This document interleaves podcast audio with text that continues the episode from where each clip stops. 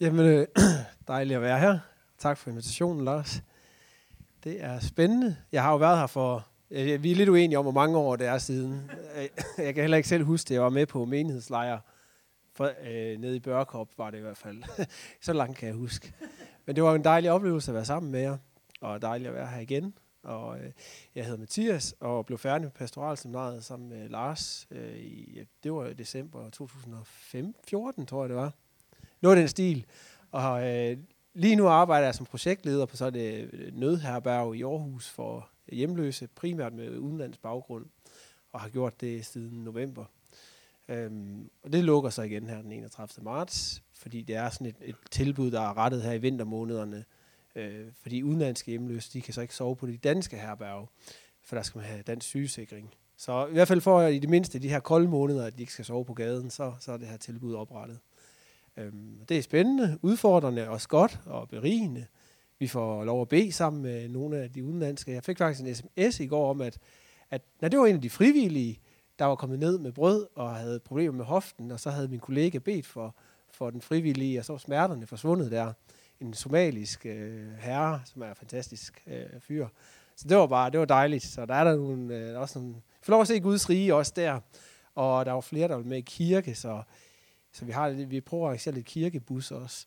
Øh, nu har jeg ikke hørt fra Marius, min ven, der var på vagt i at gå aftes, om, om det også lykkes at få, ham nu, for, altså, at få, dem, få nogen med. Men har tidligere haft en fem stykker med. Så må ikke, øh, der er nogen, der sidder i Aarhus Valgmenighed lige nu med øh, romansk, øh, italiensk baggrund. Det kan vi håbe.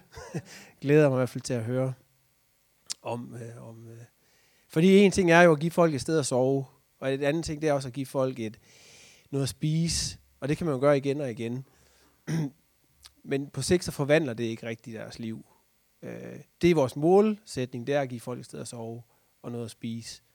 Og når man har nået det, så er det jo, det er jo en god ting. Det er jo helt basic need i behovspyramiden.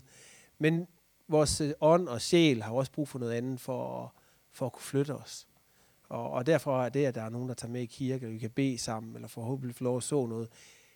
Jeg vil sige, det er det, der giver det det giver det en ekstra, altså noget mere mening. I hvert fald, hvis man har lidt evangelistiske øh, tendenser også, så, vil, så er det diakonale, det er godt. Men der må gerne være lidt mere. Men det er vel også det, vi længes efter, er det ikke at se menneskers liv blive forvandlet. Det, det håber jeg. Også vores andres, øh, vores egen liv. Og, og det tror jeg på, at Gud øh, har magt til og kraft til. Og både ved hans ånd og ved hans ord. Og måske er det også det, jeg gerne kunne tænke mig at dele lidt om i dag. Nogle oplevelser med det i hvert fald oplevede, at Gud lagde mig på hjertet. Jeg skulle dele lidt fra min, og det kommer til at lyde sådan helt, ja, lidt for hyggeligt måske. Jeg skulle op, dele lidt fra min sommerferie med en vandring med Gud. så tænker man, ja okay, så starter et stort lysbilledshow her. Bare rolig. Det bliver ikke, det bliver ikke helt i den kategori der. så, men jeg fik også lige tanken om, at det måske også kunne inspirere lidt til den her faste tid. Øh, det her vandre. Jeg var på Camino, ude og vandre på Caminoen i 14 dage sammen med en ven. Og det er også lidt at træde ud af det gængse på en eller anden måde. Og jeg tror også, fastetiden er jo også en mulighed for ligesom at sige, okay, mit liv, det året rundt, så kører det lidt i den her rille. Skal jeg lige på nogle områder træde lidt ud af det? Skal jeg lige øh, sætte mig selv, sætte noget væk, afskære mig fra noget, eller er der noget, jeg skal gøre? Eller, det er en mulighed for det også. Og måske tænker jeg lidt, det kan den her tale, eller prædiken kan inspirere til det. Og du kan være, at du sidder og tænker, at jeg er kommet helt skævt ind på den her faste, for jeg har ikke besluttet mig for noget som helst. Og så vil jeg bare sige, jeg er med dig. jeg har ikke lavet nogen øh, aftaler med hverken Gud eller nogen andre, om jeg skal gøre noget specielt her i fasten. Jeg har tænkt på, at jeg skulle gøre det, men det har bare ikke. Jeg synes, der er så mange ting, der er fyldt, så jeg tænkte, at jeg skulle ikke spise kød, eller jeg skulle ikke drikke kaffe. Jeg drikker to kopper kaffe allerede i dag, så jeg kan godt høre, hvordan det går. Men jeg tror, der er noget sundt i det. Men jeg tror også, du ved, det skal ikke være sådan, at du slår dig selv i nakken, men lad det på den måde være født ud af, af ånden. Lad det være noget, Gud minder dig om. Det kan være, det at tage på fisketur en gang om ugen. Altså, det kan være, der er et eller andet, hvor Guds nåde vil røre dig, eller kalde dig lidt til side. Det kan være en lille ting. Det behøver ikke være så stort. Det behøver ikke være et eller andet, nu skal jeg virkelig lægge en eller ekstra byrde på mig selv, og være ekstra god kristen. Det kan være, at jeg skal være lidt fræk nu og sige, det kan være, at du skal være en ekstra dårlig kristen. Alt det, du føler, du bør gøre, det skal du bare lade være med her i fasen. Det kan være, du skal være... Jeg giver dig her med tilladelse til at være en rigtig dårlig kristen på den gode måde. Hvis det, på den gode måde, ikke også? Altså ikke til noget mere. skal du ikke gå i byen hver affær? Det er jo ikke den måde, vel? Men det kan være, der er nogle, det kan være, der er nogle kristne discipliner, du skal give dig selv fri for. Kunne det være... Det kunne også være interessant. Det er bare en tanke. Men øh, vi, vi sang jo også lige før, at Gud har gjort mig fri, ufattelig fri. Og så var der, en, der var simpelthen en barn herovre. Jeg kunne bare høre, det barn, det mente det. det var, der var bare et eller andet, jeg kunne mærke i min ånd. Ah, det var den der, jeg, uh, det, jeg er fattelig fri. Man kunne høre det der. Der var virkelig noget power på den der, den der unge fyr der. Eller pige, jeg kunne ikke helt. Jeg hørte det bare lige ud af siden. Men der var en, der mente det der. At det var fedt. Det var virkelig fedt. Nå, jeg er jo allerede godt i gang, kan I høre. Og det, øh, det er også fordi, det bliver lidt anderledes, det kan jeg lige så godt sige. Øh, og derfor vil jeg lige, jeg vil starte lige med, eller jeg starter ikke, for jeg er allerede i gang, men jeg beder lige en bøn, bare lige om Gud må tage sikkert igennem de næste 25 minutter her. Tak Gud for din nåde over vores liv. Tak fordi, at du er god. Tak fordi, du er trofast. Tak fordi vi må få lov at vokse i det og have tillid til dig og stole på det og dig og at du er, øh, som der står i et ord, at du er en god far. Der står også, at du er god, og din trofasthed varer til evig tid. At du på den måde bliver det fundament, vi kan stå på, og også finde en hvile i, når der er kaos, eller når vi er trætte og stressede her, at, at du må være, være den klippe, vi står på og finder en hvile hos. Ja, det beder vi om i Jesu navn. Og læg dit ord i min mund, og øh, det beder jeg også om. Amen. Jamen, som sagt, så tror jeg, at i den tid, jeg skulle forberede mig på den her prædiken, så, så havde jeg sådan en fornemmelse af, at jeg skulle fortælle lidt om min, min, altså min sommerferie, hvor jeg oplevede, øh, at Gud jeg fik bare tanken at tage ned og vandre på Caminoen, og, og fandt så en ven. Det er sådan en pilgrimsrute nede i Spanien. Der er flere af dem, og det her det er sådan en, den tager cirka 15 dage at gå på. Øh, så det passede sådan set lige med, hvad jeg havde øh, i sommerferien. Og det var ikke, fordi jeg havde gjort de store refleksioner omkring det. Øh, det blev sådan relativt spontant, og, og ikke en stor planlægning. Det er også dejligt med den der Camino. Behøves man heller ikke. Man skal egentlig bare have en, en rygsæk med lidt tøj, og øh, så kan man have et visekort med så, så kan man egentlig klare det. luksus pilgrimsrejse, ikke? Med visakort, så kan man bare det meste. så, så, øh, og så er det sådan, at der ligger sådan en herberg med sådan en dagsvandring imellem, og, og så øh, og der er nogle caféer, og der, man kan købe lidt brød og så videre undervejs. Altså sådan, den moderne pilgrim har det egentlig ret godt, vil jeg sige. Og så slutter man øh, i Santiago de Compostela, som er så et pilgrimsmål, øh, som ligger ude vest i, i Spanien.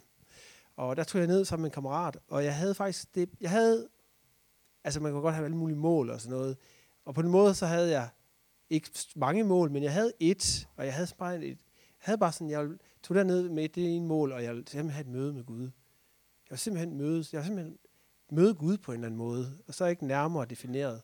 Jeg kunne bare mærke, at jeg havde brug for at møde Gud. Og det var det, jeg ville. Og så kunne alt andet være lige meget.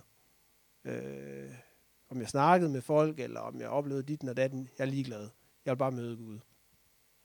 Og jeg tror faktisk også, det gjorde det lidt stressende at være dernede. Fordi så er det sådan lidt, at jeg er her for den her grund. Øh, og hvis jeg, altså, så har jeg jo meget klart mål, ikke også? Og det gjorde det måske også lidt udfordrende i starten, bare at være til stede og nyde naturen, og nyde de mennesker, altså samtaler med mennesker og sådan noget. Fordi jeg havde sådan, hvordan gør jeg det? Øh, og måske var det lidt et å på mig, men jeg tror også, at der var noget i mig, der var godt at holde fast i, at det var det her, jeg ville, altså. Så må jeg finde ud af, hvordan det kunne se ud, eller hvordan det kunne ske. Uh, det er jo det, jeg længtes efter i min sjæl og i mit hjerte. Og det kan godt være, at det, det blev lidt pres på mig selv også.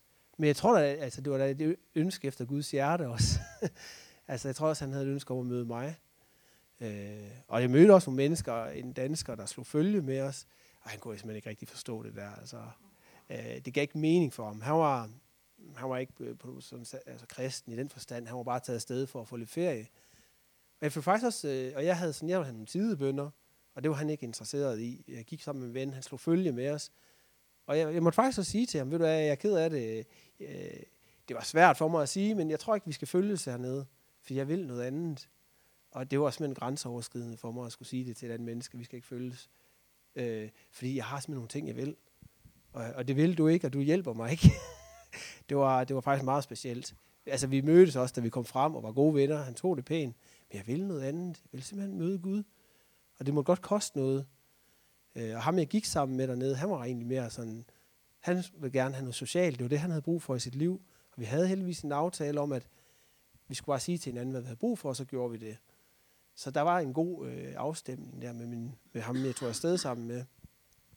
Og det betyder også, at der var nogle dage, vi gik lidt hver for sig. Øh, og der var nogle dage, vi gik sammen.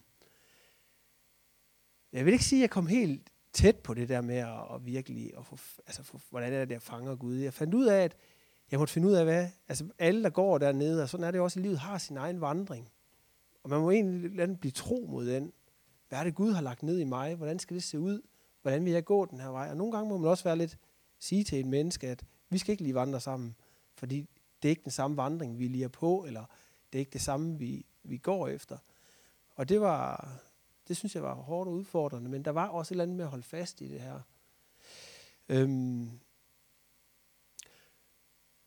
sådan lidt over halvvejs henne i den her vandring, så når jeg skulle sove om natten, så synes jeg, at Gud han begyndte at minde mig om, at jeg skulle, øh, jeg skulle, give, øh, jeg skulle gå, jeg skulle give mine penge væk. Jeg skulle ikke have nogen penge at vandre med. Og jeg havde jo de 14 dage, men sådan et stykke halvvejs inden, jeg tænkte, ah, ah, det ved jeg nu ikke rigtigt. Ah, det lød jo spændende, ikke? En god udfordring, men også, ah. Men det kom igen og igen og igen. Og så kom jeg til at læse i min, øh, min dagbog, journal, jeg havde med, at jeg faktisk øh, en måned inden det, altså tidligere inden jeg var taget afsted, havde haft et billede af, at jeg klippede mit visakort i stykker i forbindelse med den her tur. Og da jeg læste det, jeg havde helt glemt det, så tænkte jeg bare, okay, hvordan gør jeg lige det her, hvordan navigerer jeg det? Og så, øh, så delte jeg det med min ven. Han havde ikke oplevet at få det på hjertet, men nu var vi afsted sammen, og, vi, og jeg blev ved med at presse lidt på og sagde, er det noget, du vil være med til, eller ej, eller, altså, er du med på den? Og, og han tænkte, okay, vi er jo sammen afsted, så, så det kunne vi godt. Og så, øh, så aftalte vi bare, at vi gav hinanden hver. Altså jeg gav ham mit visekort, og han gav mig sit. Og så måtte vi give det tilbage, når vi kom frem. Og så skulle vi ud på den her vandring med, med Gud. Og det pressede mig faktisk meget mere, end jeg overhovedet kunne forestille mig. Altså inden jeg var kommet i gang, pressede det her mig helt vildt. Og det var egentlig ikke fordi, altså det var, vi aftalte, det var bare lige de sidste fire dage øh, af turen. Og jeg kunne, ikke, og jeg kunne se sådan, at hvis jeg ikke får noget at spise, jeg får noget at drikke, altså jeg dør ikke. Det kan blive træls og sådan noget, men, men altså, hvis det ikke, hvis ikke det her bliver en god oplevelse, så er det okay, så er det jo det. Men det handlede dybest set om nogle andre ting, end om, jeg, altså, om hvordan jeg lov at leve eller leve. Det handlede simpelthen om, kan jeg stole på dig, Gud? Det blev bare meget, meget konkret. Kan jeg egentlig stole på dig, Gud? Når du kalder mig til et eller andet, når jeg oplever for noget på hjertet, kan jeg virkelig stole på dig? Og det gik op for mig, at min tillid til Gud var altså ikke sådan overvældende. Altså det var ikke bare kæmpe stor. Det var faktisk sådan lidt, det ved jeg ikke. Og det gav mig faktisk det gav mig en uro og en, og en, og en angst. Eller angst, det er måske lige voldsomt nok. Men i hvert fald en uro. Og det gik op for mig, at når det blev konkret, ja, så, så, så ved jeg faktisk ikke, hvor meget jeg stoler på dig, Gud. Og det er jo, og samtidig er jeg jo på ferie, så, så det her med, at det så skulle lige pludselig blive sådan så konkret den her måde, det var, det synes jeg var svært. Og, og den første nat, vi havde sidste nat på et hostel, og der havde vi så ikke, øh, der havde vi ligesom ikke flere penge, vi havde bare en pose ris, øh, inden vi skulle ud næste dag. Der lå jeg i en seng i sådan en kæmpe øh, sovesal, og så var der en præst, katolsk præst med sådan 7-8 børn med, øh, unge med, øh, der var på tur, og jeg lå i min seng, jeg kunne bare se, jeg lå i de her tanker, og sådan noget, så jeg, han gik og delte is ud til dem. Og så tænkte jeg bare til, ej, jeg kunne virkelig godt spise en is. og så, du ved, så, ej gud, det var godt være rart, hvis han lige gav mig en is også, eller kunne det ikke lige sådan, og så tænkte jeg, ej gud, det er også for latterligt. Stop, Mathias. nu skal du bare afsted her, så lad nu være med alt det her, du ved. Og så ligger jeg der og beder til Gud og med lukkede øjne i sengen. Og så lige pludselig er der en, der prikker til mig. Og så står ham præsten og siger han, God hears your prayers. og det var, jeg var virkelig presset, så var det bare, okay. altså, jeg ved ikke engang, is smagte ikke engang særlig. Altså, det var bare, okay. Men hold da op, du ved, jeg tænkte, okay, han er faktisk med mig, Gud. Og med os. Og, om aftenen, så snakkede jeg lidt med ham præsten, så sagde jeg, det var sådan konfid- altså, jeg tænkte, det var fortrolig rum, så jeg sagde til ham, det betød faktisk utrolig meget for mig, fordi jeg oplevede Gud lægge mig det her på hjertet, og om at skulle gå uden øh, at have nogle penge, og så se, hvad der skete. Øh, og han var sådan, han ville, jeg bad om, at han ville bede for mig og sådan noget. Øh, det ville han gerne. have sagde, I kan også bare følges med os, fordi vi, øh, så kan I bare få noget at spise også.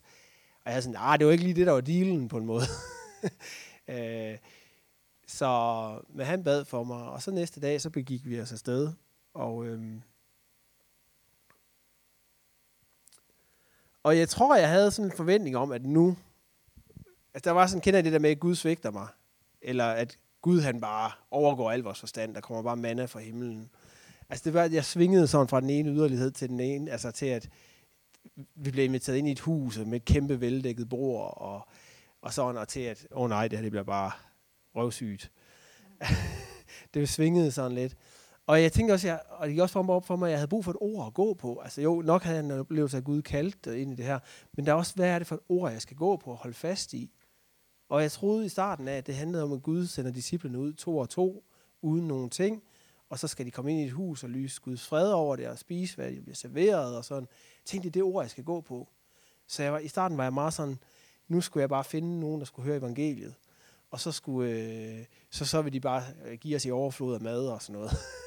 så det var det syn, jeg havde, og det var faktisk, der var ingen noget i det. Altså, der var ingen fred i det. Vi kom ind i en by, mig og min ven, og så tænkte jeg, gik jeg spejdet efter de her mennesker, og han var bare træt, og jeg var også træt. Og det var som om, den dør der var ikke til at banke på, og jeg havde sådan, Gud, hvad er det så for et ord, jeg skal gå på? Og så, så blev jeg lige stillet mindet om Matthæus øh, 6, 24-34. Altså det var det, jeg skulle holde fast i øh, på den her vandring. Og det vil jeg læne med jer nu. Der står, ingen kan tjene to herrer. Han vil enten elske, eller han vil enten have den ene og elske den anden, eller holde sig til den ene og ringeagte den anden. I kan ikke tjene både Gud og mammon. Derfor siger jeg, vær ikke bekymret for jeres liv, hvordan I får noget at spise og drikke, eller hvordan I får tøj på kroppen. Er livet ikke mere end klæderne? Øh, er livet ikke mere end maden, og lægemet mere end klæderne? Se himlens fugle, de sår ikke, og høster ikke, og samler ikke i lade, og jeres himmelske fader giver dem føden. Er I ikke langt mere værd end de? Hvem af jer kan lægge en dag til sit liv ved at bekymre sig? Og hvorfor bekymrer I jer for klæder? Læg mærke til, hvordan markens liljer gror. De arbejder ikke og spinder ikke. Men jeg siger jer, end ikke Salomo i al sin pragt var klædt som en af dem. Klæder Gud således markens græs, som står i dag, og i morgen kastes i ilden i ovnen, hvor meget snarere så ikke jer i lidet troende. I må altså ikke være bekymrede og spørge, hvordan får vi noget at spise øh, og drikke, eller hvordan får vi tøj på kroppen. Alt dette søger hedningerne jo efter. Og jeres himmelske fader ved, at I trænger til alt dette. Men søg først Guds rige og hans retfærdighed, så skal alt andet gives jer i tilgift. Så vær da ikke bekymret for dagen i morgen. Dagen i morgen skal bekymre sig for det, der hører den til. Hver dag har nok i sin plage. Og jeg tror lige så stille blev det det ord, jeg oplevede, at det kunne jeg tage med mig. Det var det her, jeg skulle gå på. At jeg skulle ikke bekymre mig om, hvordan jeg fik noget at spise og drikke. Jeg skulle ikke bekymre mig om i morgen. Jeg skulle egentlig bare have tillid til Gud. Øh, og det blev et ord, jeg, prøvede at lære uden af, og, og sådan tyk på og meditere over. Og det var det ene ting var, jeg havde hørt en anden form for, for kald fra Gud, synes jeg, eller han havde talt til mig der om natten, og jeg havde haft et billede. Altså det, jeg kunne bare også mærke, at jeg havde bare brug for et ord fra skriften også. Altså et løfte fra Gud, han taler, og jeg kunne slå tilbage og kigge, det står lige der. At jeg skulle ikke bekymre mig. Øh, og det er jo en sag ikke at skulle bekymre sig. Men så holde fast i det igen og igen og vende tilbage til det her ord. Hvis det er det her Gud han siger, så er det det man holder fast i. Øhm, så det blev et ord, jeg tænkte, jeg, jeg skulle stå på og, og vandre på. Øh, og jeg tror også, der er noget med, når Gud kalder en til noget, så vil han også give nåden til det. Jeg fandt hurtigt ud af, at min ven fandt hurtigt ud af, at han havde ikke, det var ikke ham, Gud havde bedt om det her. Fordi den første nat, vi sov udenfor, der byggede vi, altså på en mark fandt vi nogle gamle ensilageplastik og sådan noget, og byggede et shelter. Og det skal siges, det er utrolig svært at bygge et shelter, når man ikke har fået noget at spise. Altså, det var, altså det, det var Gø og Gokke, der skulle prøve at lave et shelter. Tabte kniven, øh, og så, kunne vi, så brugte vi en halv time på at gå lede efter den i græsset, og skulle vi gøre det sådan og sådan og sådan, du ved. Altså, det var bare det, der blev, altså, løse en praktisk opgave, når blodsukkeret er lavt, er faktisk svært. Øh, og jeg tænkte også bare, og derfor giver det også mening, når jeg arbejder på et herberg, at give folk noget at spise. Fordi det at tage gode beslutninger, når man er meget sulten og har lavt blodsukker, det er faktisk svært. Der er faktisk lige et niveau, der skal dækkes der, fandt jeg også ud af. Ellers er det faktisk meget svært at navigere gennem tilværelsen. Så hvis I ser nogen, der er sultne på gaden, eller sidder og tækker, eller et eller andet, altid give dem en shawarma.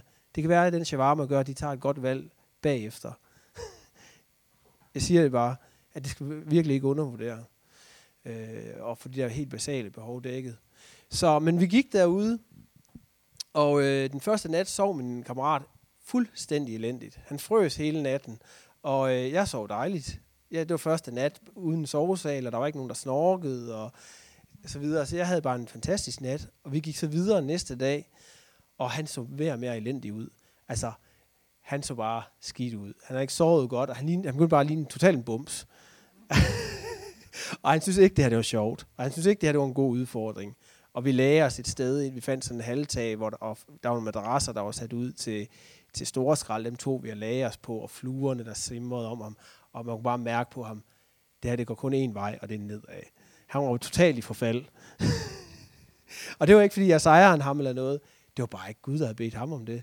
Og det fandt vi jo ud af, og det der med at kunne sætte hinanden fri, og så sige, ved du hvad, her er dit visekort, øh, vi ses, når vi kommer frem. Øh, Gud velsigne dig og sådan noget. Og den der øh, frihed, der var i ham for det, og da jeg mødte ham igen, havde han bare haft en fantastisk tur. Mødt mennesker og snakket med.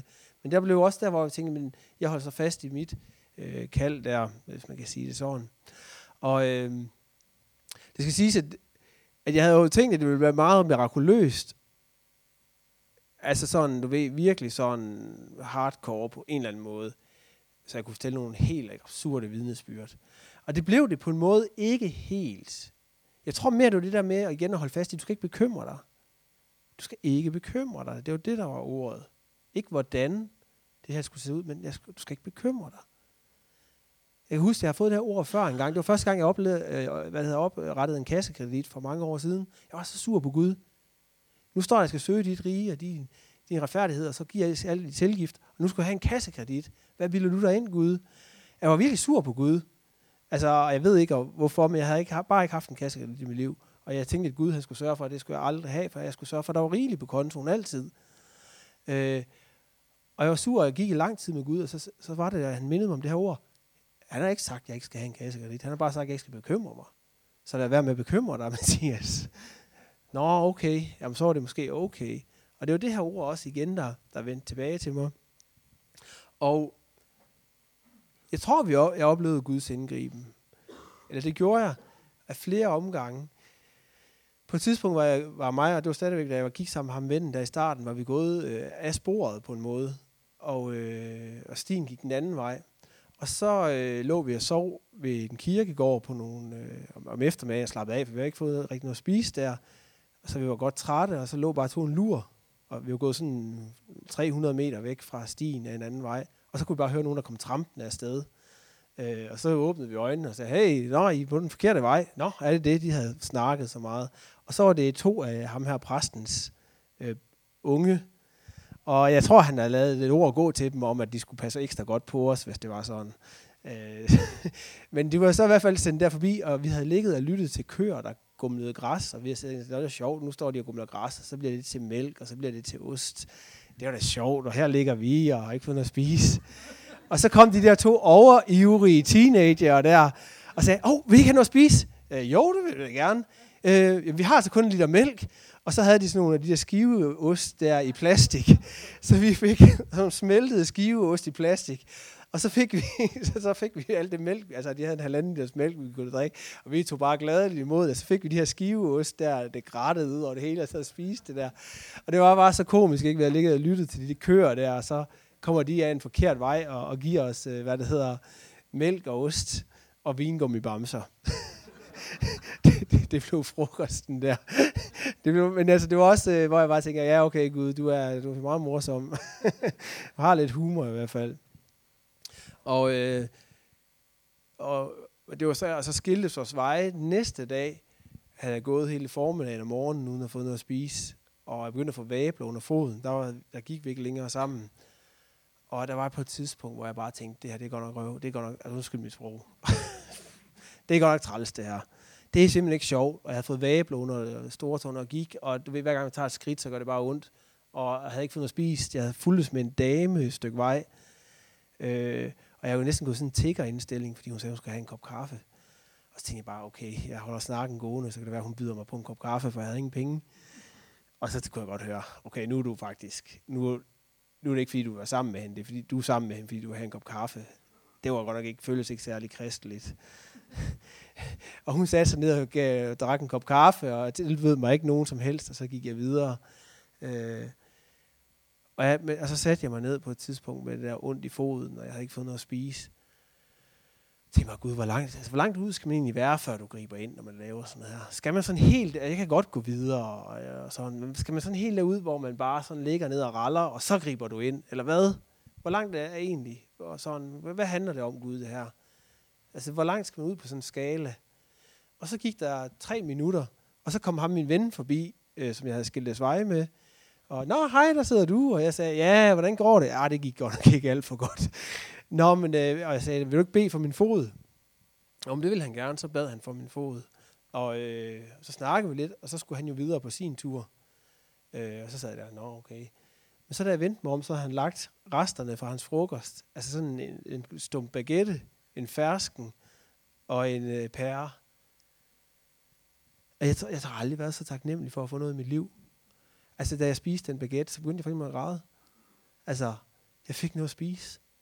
Og der var en, der havde vist mig godhed, og jeg havde lige haft det mega elendigt. Og så kommer han forbi og giver mig det, jeg har brug for. Lige der.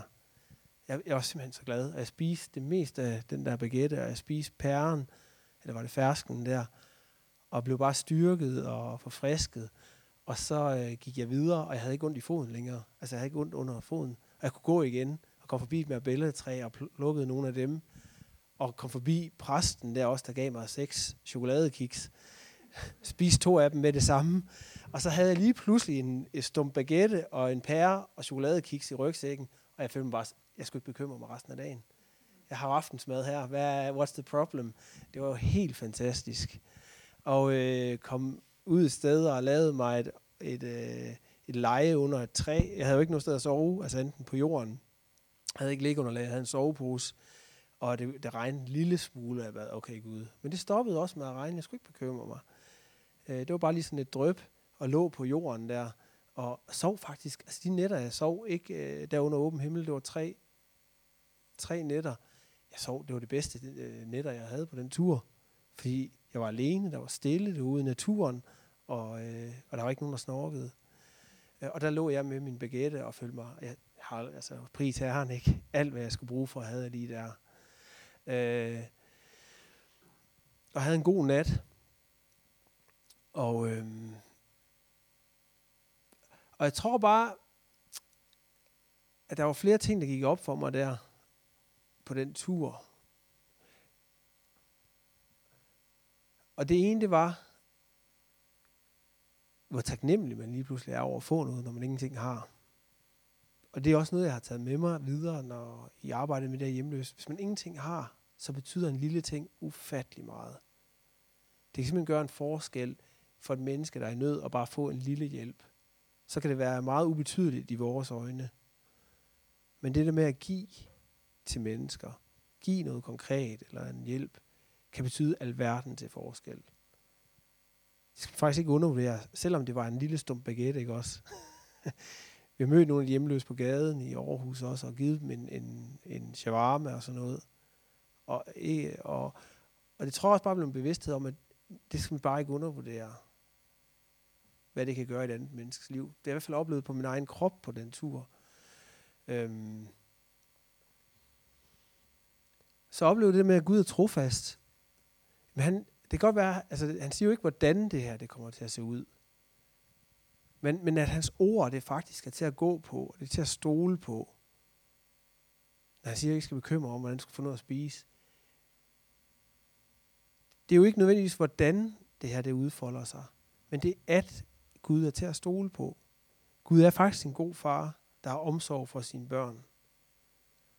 Og, øh, og så er der også det her med, at Gud nogle gange kalder os til noget, som måske kan virke lidt crazy eller sådan eller kan virke lidt af, altså uden for, for det normale, eller sådan. Og det kan være, det er noget, der vender igen, tilbage igen og igen. Men, men det at, at gå ud på det, eller vandre på det som enkelt person, eller fællesskab, eller menighed, at der sker noget. Der sker noget, når vi træder ud af den der comfort zone. Der, hvor man siger, okay Gud, enten så virker det her, fordi du er med, eller også så, så bliver det rigtig træls. men, men der er noget med lige at træde ud fra den der cirkel der, og jeg skal ikke have, altså det er ikke fordi, jeg, ikke, er en superheld, øh, men det var Gud, der bare vendte tilbage igen og igen og lagde noget på mit hjerte og bekræftede det på en måde. Og så sker der noget derude, at det holder egentlig Gud. Og ja, jeg fik også lov til at løbe den noget, fordi jeg synes nogle gange, så hører man vidnesbyrd eller historie om, at du næsten skal være døden nær, før Gud griber ind, eller det var lige sidste øjeblik, og så er Gud der. Og jeg tænkte også, men det er det Gud, skal vi helt derud, hvor vi ikke kan mere, og så griber du ind. Og to gange fik jeg lov til at opleve, at det skulle jeg ikke. Jeg synes, det var så noget i det Gud. Den ene gang, det var der med foden, hvor han kom forbi med en baguette, og jeg var træt af det. Jeg synes ikke, det var sjovt. Og, og det var virkelig træt. Jeg havde sådan Gud, Gud, jeg kan jo godt fortsætte. Skal jeg virkelig derud, hvor du ved, at øh, nu hænger der ingenting sammen med, at jeg står og slår på et træ eller sådan noget. Det skulle jeg faktisk ikke. Gud var så noget, at han greb ind før. Og det oplevede jeg igen, da jeg kom frem til det der Santiago, jeg kom faktisk øh, frem en dag, før jeg planlagt. Øh, jeg også fordi jeg ikke havde så meget at lave, så jeg gik jo en del. altså, jeg, jeg kan jo ikke gå, gå på restauranter eller sådan noget, og drikke kaffe og, og fede den med de andre. Øh, og så havde vi jo en aftale, at skulle mødes ved Domkirken den næste dag kl. 10, sammen med min ven der. Og jeg var jo kommet en dag tidligere, og målet var, altså det var aftalen med mig selv, var, at jeg skulle komme frem. Og så kom jeg der og havde en hel døgn i en storby, uden penge og tænkte, at ah, det er også for åndssvagt, Nu er jeg jo fremme. Altså nu har jeg jo ligesom øh, målet er nået, og jeg tænkte, jamen prøv at finde ham der. Og så vadede jeg rundt, og der var bare tusinder af mennesker. Og jeg, jeg prøvede at afsøge, hvordan kunne jeg måske støde ind i ham, og, og gik som forvildet rundt, og så satte jeg mig ned derovre for kirken, og tænkte jeg, okay Gud, skal jeg så bare begynde at tække, eller hvad, hvad får jeg lige 24 timer til at gå med i den her by? Jeg synes godt nok, det er langt ude, Gud. Øh, det synes jeg er træls, det her. Og jeg kunne også mærke, at jeg var også lidt modløs. Jeg havde ikke fået noget at spise den dag. Øh, den dag havde jeg ikke lige fået noget at spise, så det var sådan over, over frokosttid. Og, jeg, og man går jo en del, så det skal også siges, at der var ikke sådan, fordi batterierne var helt i top. Og så satte jeg mig ned og tænkte, at nu må jeg hellere bede sådan rigtig længe og søge Guds vilje. Og så tænkte jeg bare, det overgår jeg simpelthen ikke. Men Gud, hvor, hvor langt, altså jeg havde den der igen, Gud, hvor langt skal jeg egentlig ud? Hvor, hvor kedeligt, hvor træls skal det her være, før du griber ind? Altså det er træls, men hvor langt, hvor træls skal det være? Jeg er jo, jeg er jo kommet frem. Gud, kan du ikke bare lige lade mig rende ind i ham, Lars her? Øh, og så rejste jeg mig op, og tænkte, nu går jeg bare en tur. Så gik jeg rundt om et hjørne, og så øh, et par hjørner. Og så var der en plads, og lige diagonal for mig, der sidder Lars dernede, sammen med to, han har mødt. og jeg var sådan, Lars! og han, nej, du ved, der er en stor genforening og knus og sådan, og de har lige sat sig til at skulle spise frokost, og jeg må få mit kort igen, og jamen, der var måske, der var en plads tilbage på det herberg, han sov på, som øh, skulle han ikke på at ringe derover. Og så var der lige en seng tilbage der, som kunne blive reserveret til mig, og jeg fik noget at spise og kom frem. Og jeg tror også bare igen, jamen det var sådan små ting, men Gud var bare utroligt trofast ude i det rum her. Altså Gud var meget nådig ude i det her rum, hvor at jeg altså, trådt uden for min comfort zone. Og, og det var ikke overlevelse eller død eller liv eller den forstand vel. Det var bare uden for min comfort zone. Jeg oplevede, at Gud var trofast og til at stole på. Og det gjorde mig godt. Øhm. Og så var turen jo i den forstand slut. Der var flere ting, der skete på det her forløb. Men, men jeg tror, det, der ligesom er fundamentet her, det er, at, at ordet til mig blev det her med, jamen, der var et kald, der var et ord at holde fast i, og der var et kald til at træde lidt uden for det, der var trygt. Der var også et kald til at give afkald på nogle ting. Men at opleve, at herude skete der faktisk noget, der mødte jeg Gud. Det er jo ikke fordi, jeg siger, at sådan er det nødvendigvis, og sådan skal det være. Jeg tror bare, at hvis du oplever, at der er noget, Gud har talt til dig om i lang tid, eller noget, der er født herindefra, øh, så, så tror jeg, at der er en tid til at gå på det. Og det kan også være, det som menighed, at de søger Gud som menighed, at der er et eller andet, Gud kalder jer til. Og det kan være, at det er, altså, altså hele, man kan jo sige, man kan se utrolig mange mennesker gå i den her retning på sådan en Camino og spise på restauranter og sådan noget, og så kalder Gud dig lige ud af en sidevej. Det kan også være, at vi som menigheder ser, at altså, det kører den der vej, det kører den der vej, det kører den der vej. Men hvis Gud begynder at tale til jer om at lave en afstikker, så jeg siger, at det er ikke sikkert, at han gør det. er bare for at sige sådan, prøv at være nysgerrig på det. Hvis Gud kalder dig som enkelt person til at, at lave en afstikker fra den der main road, så prøv at være nysgerrig på det. Det kan også være, at du skal tænke på fasten her, eller I som menighed skal tænke på fasten. Gud, hvad kalder du os til? Er der en afstikker, vi skal undersøge for os som fællesskab, for os som enkelte personer? Er der noget her, vi skal prøve at gå på? Så kan det være, at, at du ved, at øh, man kan også sige, men altså normalen, det er bare at gå den der vej. Men er der en lille sidevej, vi skal være nysgerrige på? Det tror jeg vil være min udfordring øh, til jer også, som enkelt person, som fællesskab. Og også at sige på fasten her, hey, det handler ikke om, hvordan du kommer i gang med fastetiden. Altså, det, det, jeg har kommet helt skævt fra start, men jeg er åben for, at Gud måske lige så stille begynder at lægge mig noget på hjertet for fasten. Det kan være, jeg skal være med at se, det har jeg haft en periode internet, altså være med at bruge nettet efter kl. 18. Det var faktisk ret fantastisk. Men jeg er åben for, at, at det kan få et udtryk. Og det kunne jeg også godt tænke mig bare at bede ind over, over forsamlingen her, at, øh, og enkelte personer og fællesskab. Øh, må jeg det? Mm-hmm. Ja. Jesus, jeg vil gerne takke dig for Horsens valgmenighed. Tak fordi du har sat det her fællesskab, de her mennesker i den her by, i den her tid, på det her sted. Tak for deres hjerte for mødes med dig, have fællesskab med dig, Gud og hinanden. Tak også, at øh, du velsigner den her menighed, og gjort den til en velsignelse for den her by.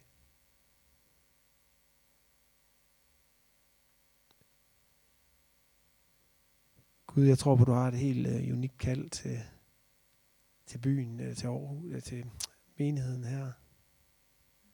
Og jeg beder sådan frimodigt om, at hvis du har en afstikker til dem, en, en lille vej, de skal gå af, at du vil kalde det frem, her. At du vil bare bekræfte det i deres hjerter igen og igen. Og de må få lov at se Guds rige udfolde sig. Her tal til Horsens øh, valgmenighed. Hvis de allerede er i gang med det, så bekræft det igen. Giv dem styrke til det. Mind dig om dem igen og igen. Hjælp dem til at turde at være skøre, eller lidt anderledes, eller mærkelige, hvis det er det. Bed også for enkelte personer her, hvis der sidder nogen, hvor, hvor du har lagt et eller andet på hjertet, Gud, at, at du bare vil lade det flamme op igen.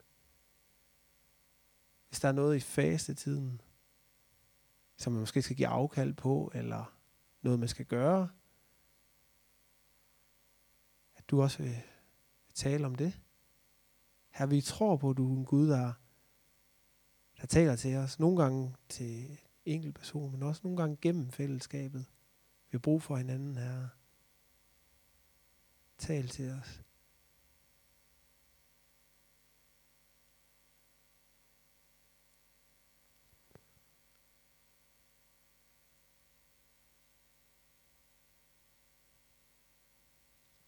Lad os erfare, at du er en Gud, der er trofast.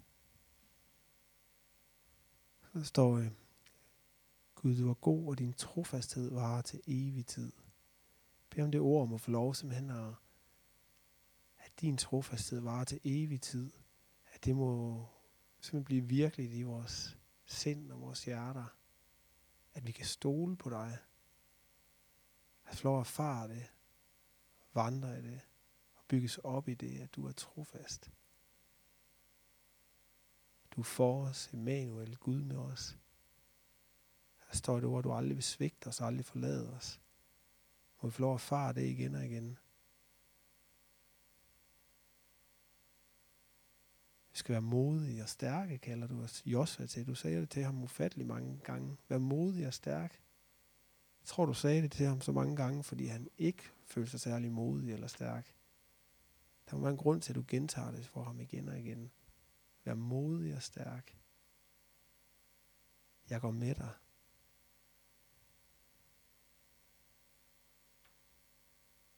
Ja, velsign, velsign, velsign Horsens valgmenighed. Det beder jeg om i. Velsign hver enkelt her. Det beder jeg om i Jesu navn. Amen.